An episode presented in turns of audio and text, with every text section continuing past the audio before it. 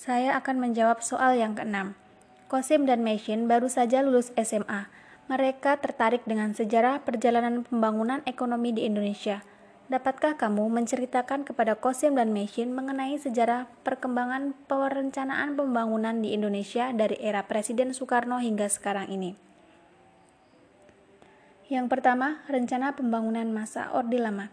Pada masa Orde Lama atau era Presiden Soekarno, Strategi pembangunan didasarkan perencanaan pembangunan lebih menekankan pada usaha pembangunan politik. Hal ini sesuai dengan situasi saat itu, yaitu masa perjuangan fisik untuk mempertahankan kemerdekaan nasional. Tahun 1947 dimulai suatu perencanaan beberapa sektor ekonomi dan diberi nama Plan Produksi tiga tahun Republik Indonesia untuk tahun 1948, 1949, dan 1950. Ditunjukkan terhadap bidang-bidang pertanian, peternakan, perindustrian, dan kehutanan, dan juga beberapa program lainnya. Badan Perencanaan Pembangunan Nasional yang disebut Biro Perencanaan Negara dibentuk pada masa Kabinet Ali Sastro Mijoyo pada tahun 1947 Tugas biro ini merancang pembangunan jangka panjang. Insinyur Juanda diangkat sebagai Menteri Perancangan Nasional.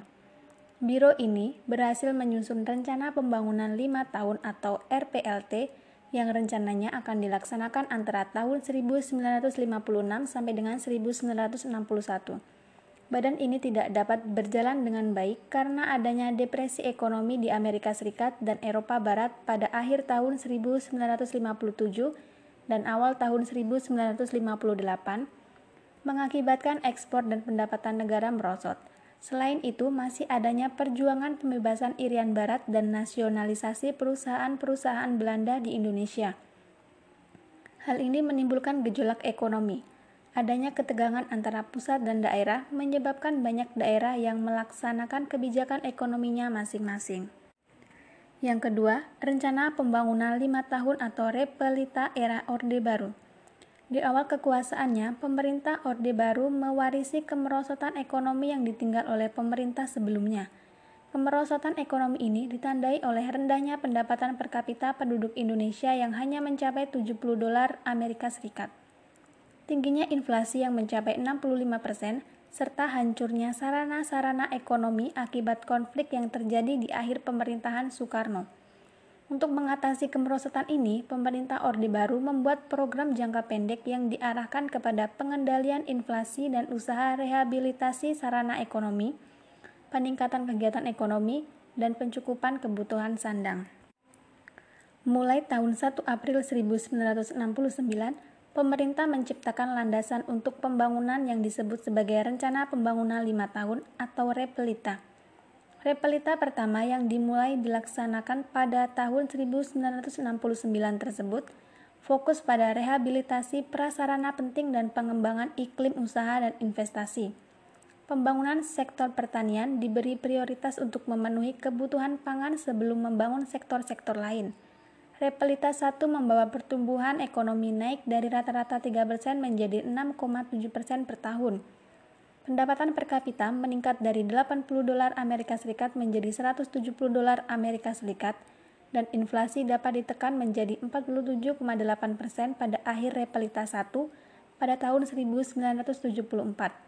Repelita 2 tahun 1974 sampai dengan 1979 dan Repelita 3 tahun 1979 sampai dengan 1984. Fokus pada pencapaian pertumbuhan ekonomi, stabilitas nasional, dan pemerataan pembangunan dengan penekanan pada sektor pertanian dan industri yang mengolah bahan mentah menjadi bahan baku. Yang ketiga, rencana pembangunan jangka panjang nasional di era reformasi. Ketiadaan garis besar haluan negara atau GBHN di era reformasi telah mendorong Presiden Susilo Bambang Yudhoyono menghadirkan UU Nomor 17 Tahun 2007 tentang Rencana Pembangunan Jangka Panjang atau RPJP nasional tahun 2005 sampai dengan 2025. Strategi pembangunan yang sesuai konteks Indonesia.